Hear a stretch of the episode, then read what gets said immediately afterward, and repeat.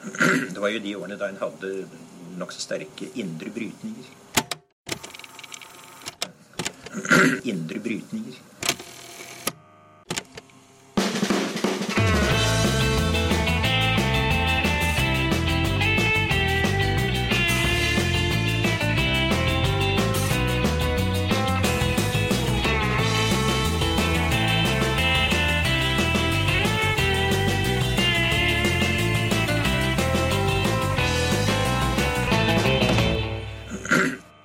Velkommen til Noen har snakket sammen. Mitt navn er Tiril Rustad Halvorsen. Og jeg heter Aksel Fjelldavli.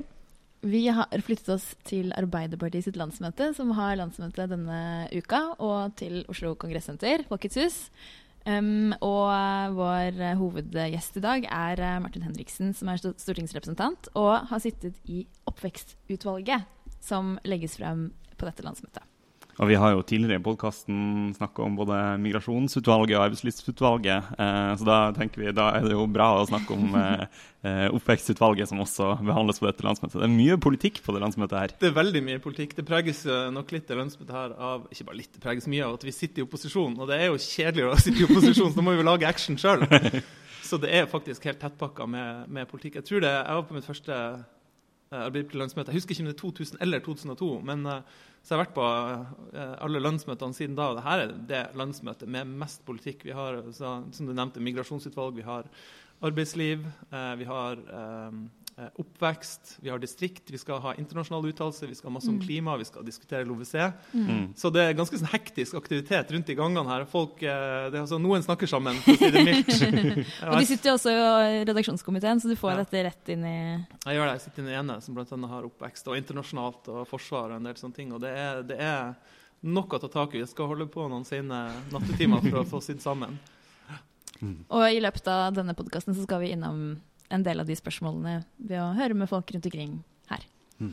Men uh, først uh, dette oppvekstutvalget, da, uh, som dere satte ned etter valget sist. Eh, og hva er hovedmålet med å se på oppvekst i et sånt Ja, det er jo et veldig viktig område for, for Arbeiderpartiet. og det er klart, Som sosialdemokrater så ser vi jo sånn på det at de oppvekstvilkårene du har, avgjør jo veldig mye av, av hvordan det går deg videre i livet.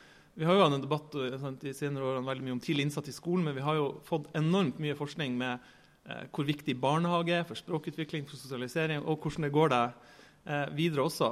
Og for å ta tak i de problemene vi ser senere i Sosial mobilitet, rett og slett. sosial mobilitet, hindre frafall, den type ting, så er jo oppvekst viktig. Og da vil vi se bredt på det. Altså det er både det er barnehage, skole, SFO, men også eh, barnevern, de ungdommene og barna som faller utafor. Hva kan vi gjøre eh, for dem? Og det er liksom under overskrifta som Jonas snakka mye om i landsmøtetalen sin, sterkere fellesskap. Mm. Og Det er klart, det er veldig mange forslag her om å bruke mye penger på mange tiltak. Så det er en sånn balanse vi må finne. Vi har jo både sånn her opposisjons... Nei, vi har ikke et opposisjonsgen i oss i det hele tatt. Unnskyld. Vi ja, har både et sånn satsingsgen i oss. Eh, Sosialdemokrater med også et veldig sterkt sånn ansvarlighetsgen her. Så vi må balansere. Ja. Mm. Mm.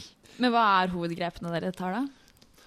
Eh, Vi går jo eh, ganske mye inn i både barnehage, eh, skole, SFO. eh, Og en er å styrke kvaliteten i barnehagen. For det har vært mye diskusjon om bemanningsnormer eh, og den type ting. Og det er vi opptatt av. Vi vil ha flere pedagoger. Flere altså, dyktige ansatte er jo hovedgrepet for kvalitet. Men også kanskje andre typer kvalitetsgrep kan vi ta for å få bedre barnehager. Um, eh, eksempel språkopplæring. Hvordan bedrer vi den? Det er jo mange barn som eh, vil si, lærer mesteparten av språket sitt og blir sosialisert i barnehage. Det ser man særlig i byer som Oslo, men også viktige distriktskommuner mm. eh, rundt omkring. Mm. Eh, og så kommer vi også, og det er jo, kan jeg røpe en nyhet på, eh, Ja. på eh, Agenda sin podkast. Det som ikke står der, men som kommer til å komme når vi kommer til slutten av landsmøtet, er at vi kommer til å si noe mer om styring av barnehagesektoren og profitt. ja. Som er et veldig si, viktig tema for veldig mange Arbeiderparti-delegater. Der har vi jo stramma til politikken de siste par årene, og det kommer til å Mm. vi vises på landsmøtet nå på søndag. vi skal vedta.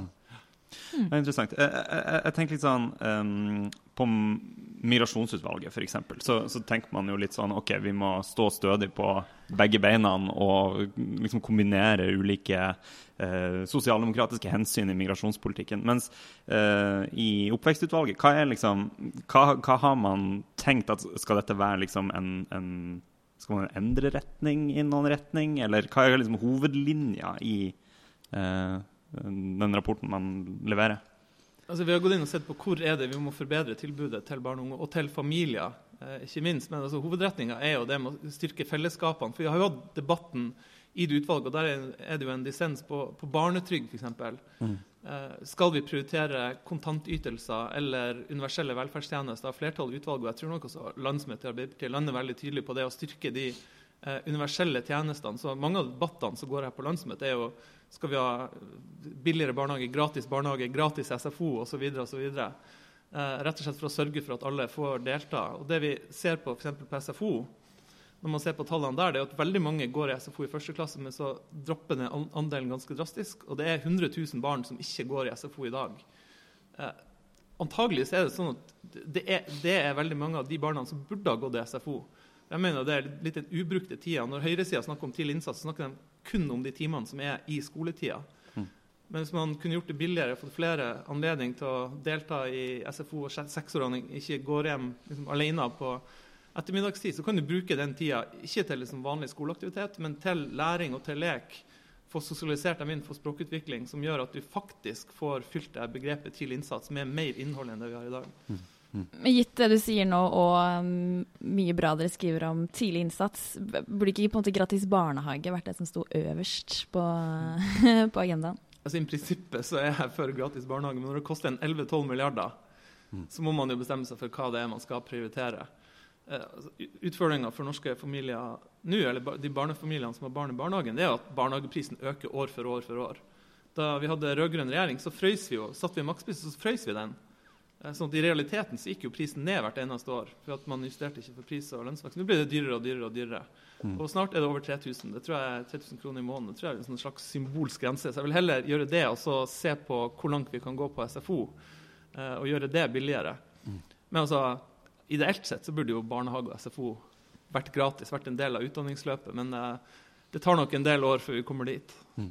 Hvis man ser på, ser på skolen, så var jo en av de tingene som, som kom i den evalueringa av Kunnskapsløftet Nå begynner det å bli et par, eh, par, år siden, men en av de tingene som kom der, var jo at Kunnskapsløftet har ikke evna å utjevne sosiale forskjeller i mm. karakterer. Altså de, Eh, det er flere seksere blant barn med foreldre med mange bøker i bokhylla, og, og flere som ikke får karakter med motsatt foreldre. Da. Hva, hva i, i, dette um, utvalget sitt arbeid eh, retter seg inn mot ulikhet i skolen?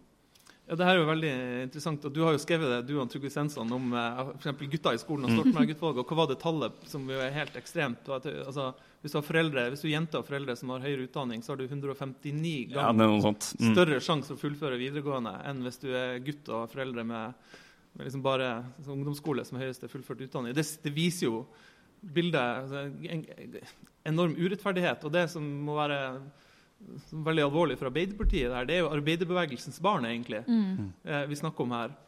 Eh, så det med tidlig innsats er jo, er, i skolen er selvfølgelig viktig. og der, der, vil jeg si at Det som trengs der, er jo påfyll av, av ressurser. Gi lærerne tid. Det er, det er, ikke flere lovfestinger av, uh, av ulike, ulike liksom, paragrafer i opplæringsloven. Det er tid til lærerne, rett og slett. Og det er penger, da? Ja, penger, ja, det må man følge opp med. Altså, Arbeiderpartiet sin lese-, skrive- og regnegaranti fungerer ikke hvis vi ikke gir skolene påfyll av ressurser. Rett og slett. Spesialteam, innsatsteam, flere lærere osv. Eh, men så må vi også se på barnehagen. og Jeg mener at en utfordring som vi ikke eh, adresserer så tydelig i oppvekstutvalget, men som vi er inne på, det er jo at mens vi har et veldig og det her er litt sånn teknokratisk, men vi har, vi har veldig sånn streng kontroll av kvaliteten i skolen. Men i barnehagen har vi ikke det. Så vi vet for lite om hva kvaliteten i barnehagen faktisk er. Og når nesten alle norske barn går der eh, liksom, Alle burde ha gjort det, men nesten alle norske barn går, der, vi vet for lite om kvaliteten, så er det, noe vi burde ha, sett på uh, og, uh, og, innført. Og så gjelder det å få flere ansatte med kompetanse, flere, flere barnehagelærere, styrke barnehagelærerutdanninga og den type, den type ting. For det er ikke noe forskjell på, altså Læreren er den viktigste faktoren i skolen. Barnehagelæreren og fagarbeideren der er den viktigste faktoren i, i barnehagen. Så fylle tidlig innsats med konkret innhold, men også ressurser, mm. er, er, det vi egentlig foreslår. En, en uh, kritikk av Arbeiderpartiet sin politikk på, på flere områder, som jo dukka opp i en del sammenhenger, er jo nettopp det ordet du var, var innom der, altså teknokratisk. Og det Ja. var jo et, eh, et innlegg som ble skrevet av eh, Jens Kiel i, i Bergens Tidende i, i dag, der, med, med overskrift rett og slett 'Små barn av staten', som var en eh, kritikk av oppvekstutvalget, der han pekte på at det var eh, liksom normer og liksom veldig sånn regelbestemmelser om at man eh, skal, skal styre mer av barn sin, eh, sin tid og, eh, og sånn. Hvordan svarer du på, eh, på den? Altså på, på dette utvalget? Det var jo litt uventa at den kritikken skulle komme fra Venstre, for å si det sånn. Jens har vært aktiv i SV. Men eh, altså en del ting har han misforstått. For han kritiserer at vi sier at det skal lovfestes et trygt miljø for barn i barnehagen. Altså Mobbelov det, det er jo egentlig noe Stortinget allerede har vedtatt. Det er man enige om, bare regjeringa greier ikke å få gjennomført det. Så det, der pusher vi på. Men det andre er at vi lovfester jo ikke, regelstyrer jo ikke barna sine liv. Eh, eller hvordan familiene skal organisere hverdagen sin. Det vi går sterkere til verks, verks på, det er jo eh, å regelstyre og normfeste eventuelt hvilke tilbud barna skal få. Og det er jo eh, liksom ulike ting. Og så kan man si at det er teknokratisk, og sånn, men det er jo sånn både Arbeiderpartiet og andre partier eh, ofte har gjort for å sørge for å få god nok kvalitet, eh, for å få styrka de fellesskapene. Så f.eks. Eh, lærernorm eller bemanningsnorm i barnehagen, den type ting. Altså De ressursene kom ikke. Begynt, altså, ressurser til flere lærere i skolen begynte jo ikke å komme på alvor før man fikk en lærernorm. Og Det samme ser vi, ser vi i barnehagen.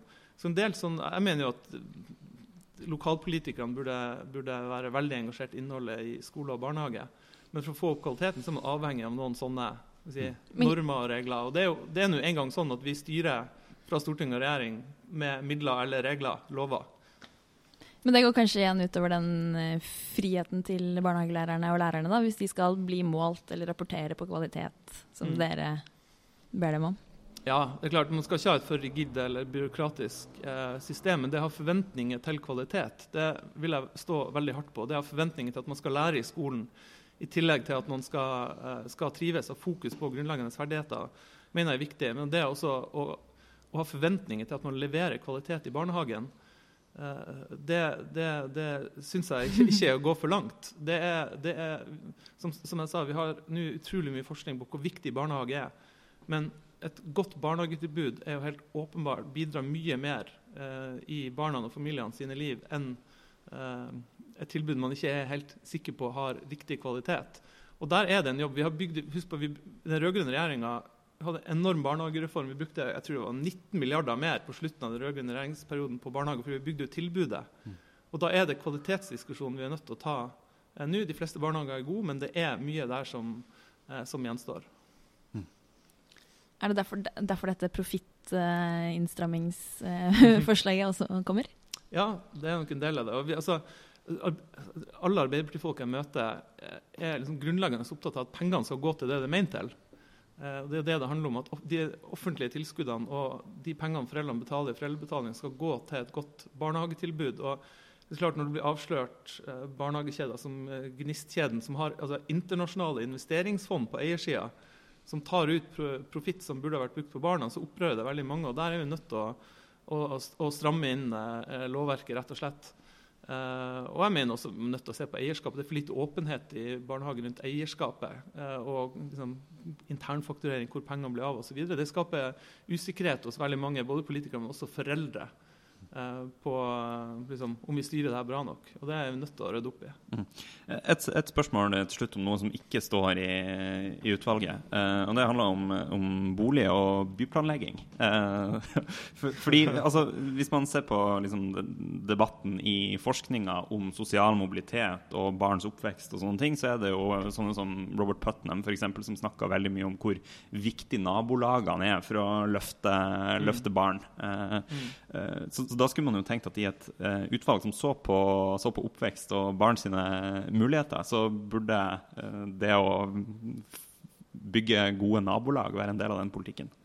Ja, det måtte man jo gjøre avgrensing. Det må man alltid når man lager sånne programmer. Hva skal man ta med og ikke, ikke ta med. Bolig ble ikke med i, i oppvekstutvalget. Men det poenget med sånn gode nærmiljøer. Og, og Robert Putnam med liksom Our Kids og, og, og oppfølgeren så, så, tar han opp en ting som jeg mener også relaterer seg til oppvekstutvalget, nemlig altså den store forskjellen mellom ulike miljøer, altså, enten det er fattig eller rik, eller hvor man bor i USA, som han ser på. Uh, og En måte å utjevne sånne forskjeller for Vi ser at det er store forskjeller mellom skoler og mellom kommuner i kvalitet, uh, frafall. Men det er også antageligvis det samme i barnehage. Så det, denne diskusjonen om regelstyring, eksempel, det å sikre at du har det samme tilbudet overalt, det er, jo, det er også litt i Robert Putnam sin ånd, mm. bare på norsk sosialdemokratisk vis. Vi vil at alle barn skal ha det samme gode tilbudet. Uh, og av og til holder ikke med gode ønsker. Du må du inn og regulere litt. altså, hva ville Gerhardsen sagt? Han ville kanskje sagt ja, fint med litt regulering. vi, vi, får la det bli uh, siste ord i denne podkasten. Uh, eh, tusen takk, Martin Henriksen. Takk skal dere ha.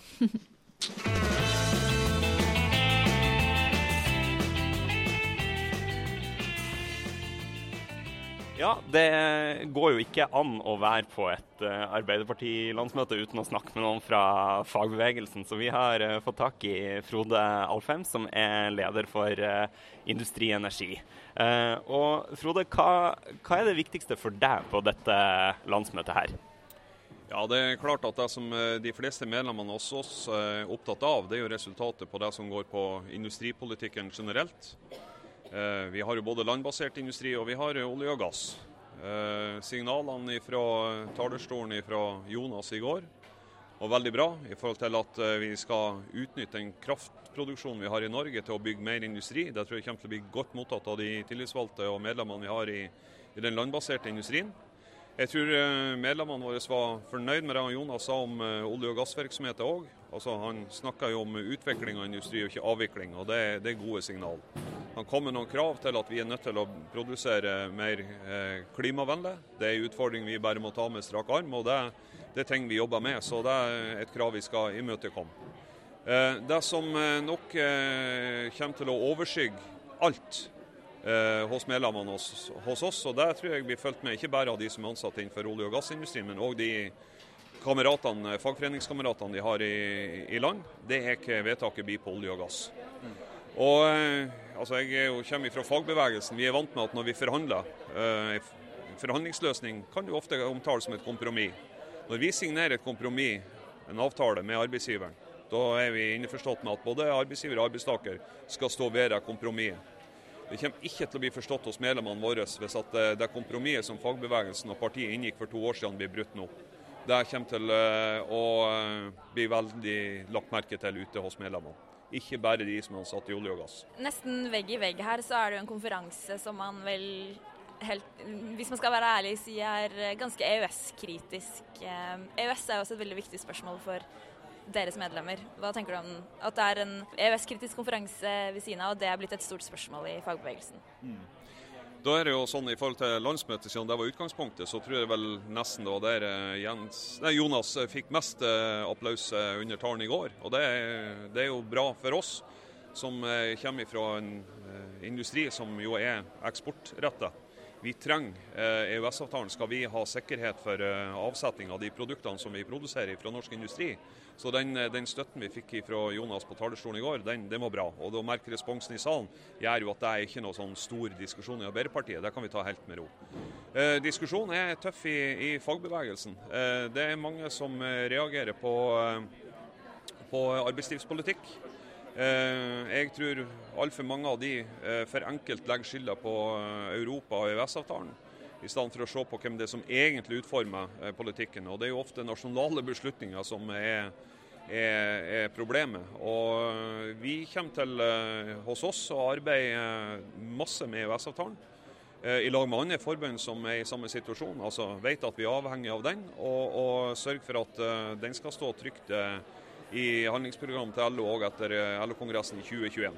Nå har jo Arbeiderpartiet lagt frem et arbeidslivsutvalg. Har du troa på at det som ligger der kan bidra til å roe gemyttene litt på EØS-spørsmålet? Ja, altså Arbeiderpartiet eh, visste jo òg i regjering at de tok utfordringene som gikk på eh, si, den sosiale dimensjonen, sosial dumping, på alvor med de tiltakspakkene som kom da. Eh, det tror jeg det er viktig at Arbeiderpartiet er veldig eh, eh, altså snakker med, med, med tung stemme eh, i forhold til den debatten vi har i, i fagbevegelsen på. Eh, for det tror jeg vil være noe av det som, eh, som vil være viktig i forhold til den interne diskusjonen om EØS i, i fagbevegelsen. Men jeg vil jo òg utfordre eh, våre motparter, altså NHO, arbeids, eller arbeidsgiverforeningen i NHO-systemet på å ta den debatten som vi har i, eh, i fagbevegelsen på alvor. De er òg nødt til å skjønne alvoret i den diskusjonen som går, og ikke utfordre fagbevegelsen unødvendig med omkamper på, jeg holdt på å si, et norsk system for hvordan vi inngår avtaler, eh, hvordan vi løser jeg holdt på å si, konflikter når vi har det og ikke, ikke misbruke si, EØS-avtalen og EU-systemet i, i, en kamp mot fagbevegelsen. For Det kommer til å straffe seg for de hvis at de ikke skjønner alvoret i det og tar hånd i hanke sjøl og, og uh, kommer tilbake til forhandlingsbordet der vi skal løse utfordringer i norsk arbeidsliv. Ina Libak, du er leder av AUF. Tusen takk for at du ville ta en eh, prat med oss. Eh, vi lurer på hva som er viktigst for AUF på dette landsmøtet. Ja, vi i AUF vi kommer jo som alltid med litt forskjellige ting som vi mener kan gjøre Norge bedre og mer rettferdig, og egentlig for så vidt verden også. Eh, så en av de tingene vi går inn i landsmøtet med, er at vi vil legge eh, Lofoten død en gang for alle og si at vi ikke ønsker å konsekvensutrede og oljeutvinne der. Det er fordi vi mener at eh, vi må gi velgerne tydelig svar i denne saken her, og det har ikke Arbeiderpartiet gjort til nå. Vi har et kompromiss som både er uforståelig og som ikke ivaretar de sårbare områdene på en god nok måte. Så ønsker vi at eh, Arbeiderpartiet skal gå inn for at Norge skal signere FNs forbud mot atomvåpen. Det handler om at eh, vi skal bidra til nedrustning i verden. Nå er det flere og flere land som underskriver. Dette kommer til å være internasjonal gjeldende rett, eh, egentlig mest sannsynlig i løpet av 2019. Og da må Norge være på riktig side av den historien. Men så har vi selvfølgelig andre saker også. Vi kommer med krav som vi fremmer egentlig sammen med Fagforbundet, eller de har vært ute og støtta oss i dag, mot kommersielle i barnehagene. Rett og slett at vi ønsker forbud mot profitt i barnehagene og så strenge kvalitetskrav. At det ikke skal være kommersielle som går inn og bruker skattepengene våre på, eh, på å investere, heller enn at de pengene går til eh, ungene. Og så vil vi fjerne abortnemndene. Vi mener tida er inne for det. Eh, det er bare noen få promille som får avslag i abortnemnd. Det viser at de som har bestemt seg for å ta abort, de har et, en god grunn til det. Man skal ha god samtale med helsepersonell, men valget må til syvende og sist være kvinnene og familienes eget. Så det mener vi tida er overmoden for. Har du noe håp om å vinne noen av disse sakene? Ja, altså Hvis jeg hadde kommet på landsmøtet og trodd at jeg tapte alle sakene, så tror jeg heller jeg hadde bare holdt meg hjemme. Så jeg går inn i det med å...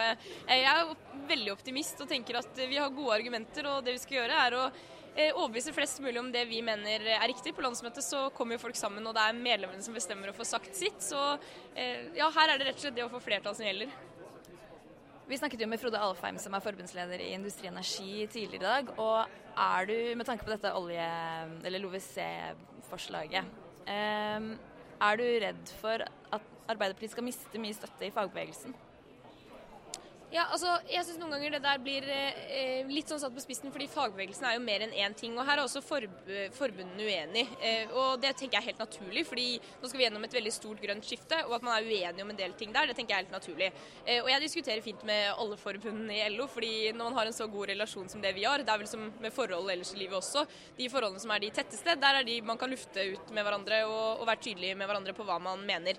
Men jeg mener jo veldig at eh, omstilling bort fra olje og gass Eh, er nødvendig å begynne med nå. fordi jeg tror ikke vi får det noe lettere om 20-30 år når vi vet at lønnsomheten går ned. Og så har vi bundet opp både økonomien og arbeidsplassene våre i en næring som vi da omstiller oss bort fra. Eh, og så må vi håndtere det der og da. Nå har vi tid til å gjøre det, vi har økonomien til å gjøre det, men snart har vi ikke det lenger. Så det er grunnen til at jeg ønsker å, å begynne det nå.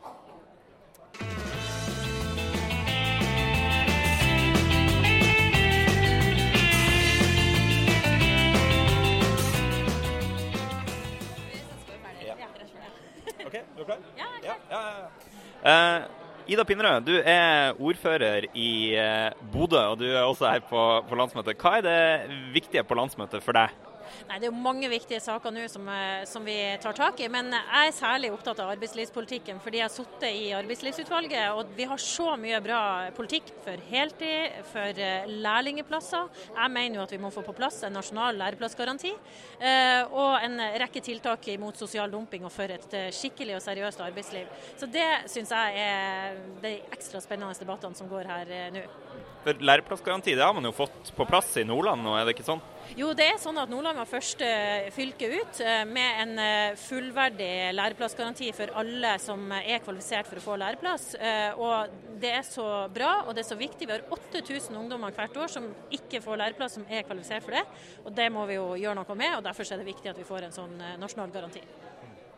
Eh, nå er det jo snart, eh, snart, valg, og vi har jo vært på eh, både SV sitt landsmøte og Senterpartiet sitt landsmøte og snakka med litt ordførere her og der, så da lurer vi oss også på med det. Hva, hva er det, de viktige sakene fram mot lokalvalget i, i Bodø? da, og hva, hva, står liksom konflikten om? Er det eiendomsskatt, eller hvor, hvor står det hen? Nei, Eiendomsskatten har vi rydda opp i. Vi har hatt en stor retaksering, og vi ligger på et uh, jevnt nivå med høyresida sånn høvelig jevnt, så det kommer ikke til å være en stor debatt, sånn som jeg ser det. Men uh, vi kommer til å få en debatt om skolemat. Uh, vi vil innføre gratis skolemat til alle ungene i Bodø-skolen. Det er en viktig sak for oss, og det er viktig for folkehelse og viktig for ungene sin læring. og så er jeg helt sikker på at disse arbeidslivsspørsmålene, altså det å viljen til å satse på hele faste stillinger, til å investere penger i det, investere i skikkelig grunnbemanning, det er et annet spørsmål som kommer til å være er mye debatt rundt i Bodø. Ellers er det jo tradisjonelt, som i mange lokalvalg, så er det noen lokale saker som rører litt velgere hit og dit, eh, som, som, kan være viktig. F.eks. bygging av hotell, høyder på by, byggebyen og forskjellig. Og det er jo det som er litt spennende med lokalvalgene, og også at det handler om der vi lever og bor. Eh, og så er det klart at Jeg tror jo også at eh, det spørsmålet som eh, vi er opptatt av å behandle her på landsmøtet, nemlig Lofoten, Vesterålen og Senja, kommer til å bli et, et spørsmål som også velgerne i Bodø bryr seg ganske mye om.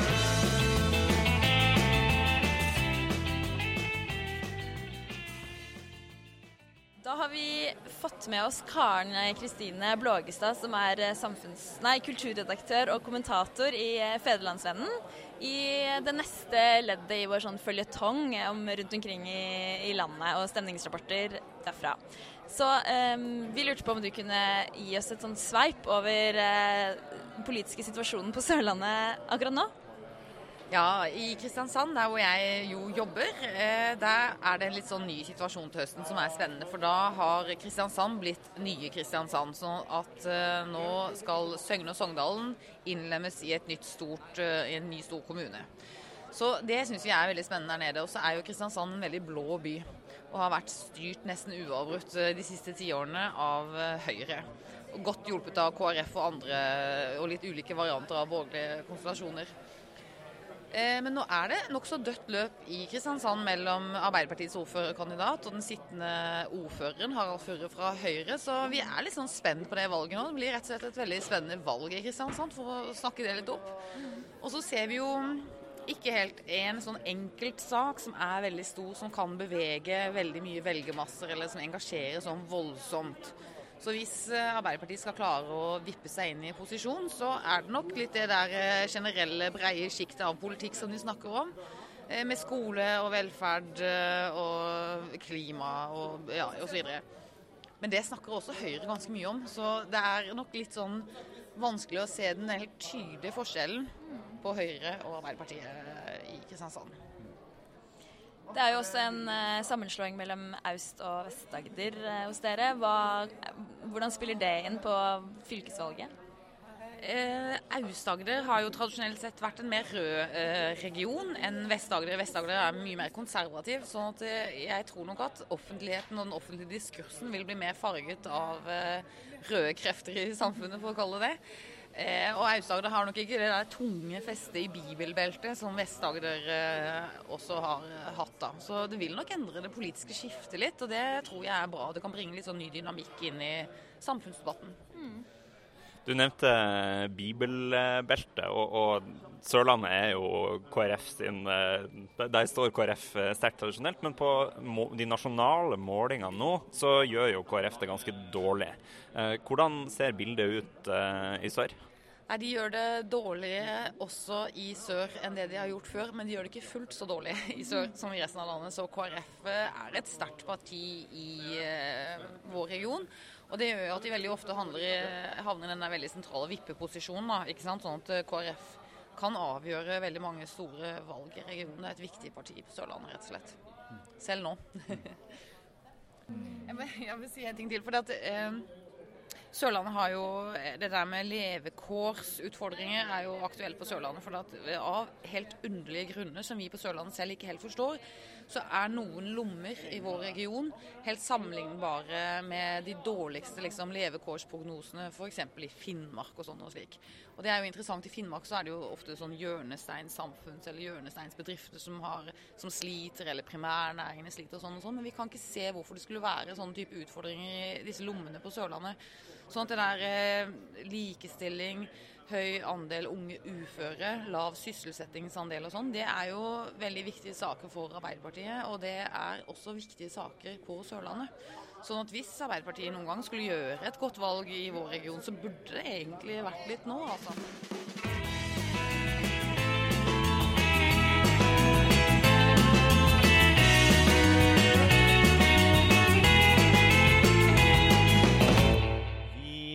Kan ta en liten uh, wrap-up før, før vi avslutter. Her vi står på uh, Arbeiderpartiet sitt landsmøte dag to av fire. Uh, hva tenker du, uh, Tiril?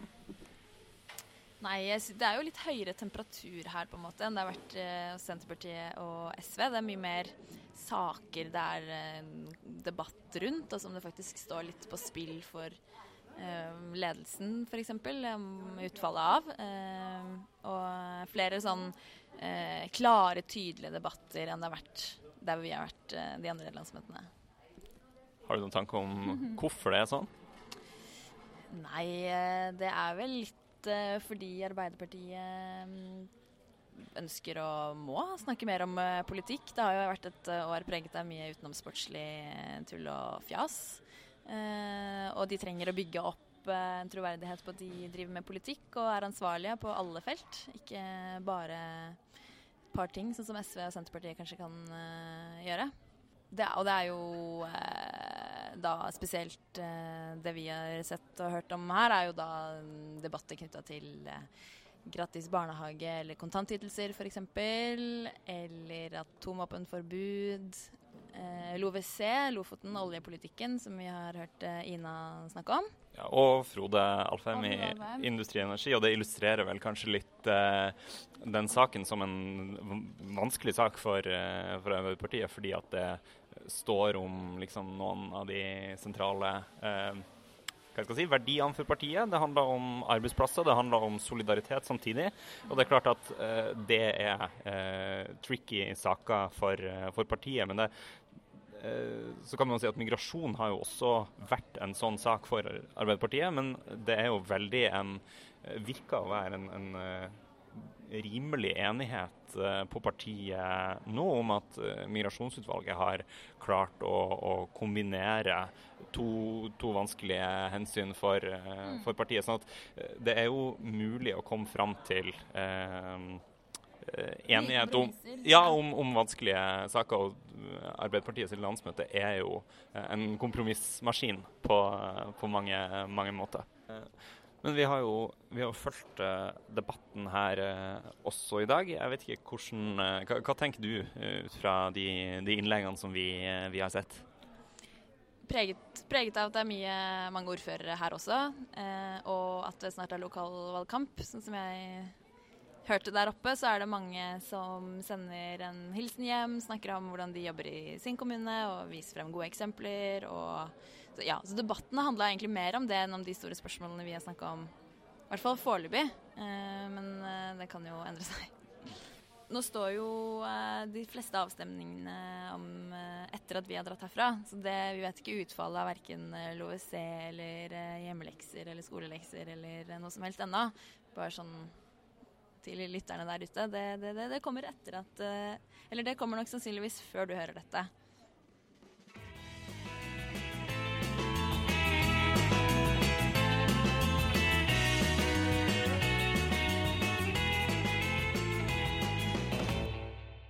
Så Tiril, har du noe å anbefale før vi avslutter helt? Et agendamøte som vi har eh, neste torsdag, 11. april, eh, hvor vi ser nærmere på eh, barna som IS-kvinnene har fått i Syria, og vi skal, hvordan vi skal håndtere de barna i Norge. Og hvor finner det møtested? På det som heter Bruket i Sveigårdsgata. Jeg tror det er gamle Landbrukets hus. Og du? Jo, eh, jeg tenkte jeg kunne tipse om eh, for så vidt et tips vi har kommet med tidligere. Eh, Agenda Magasin har en arrangementsrekke som heter eh, Feministisk eh, leseliste. Der eh, det blir nærlesning av ulike eh, feministiske skjønnlitterære verk. Eh, så det går jo an å sjekke ut på Facebook eller på Agenda Magasin sine sider og finne nærmere informasjon om hva som er det som skjer framover. Da gjenstår det bare å si eh, takk for i dag. Takk for i dag. Foreløpig siste landsmøte.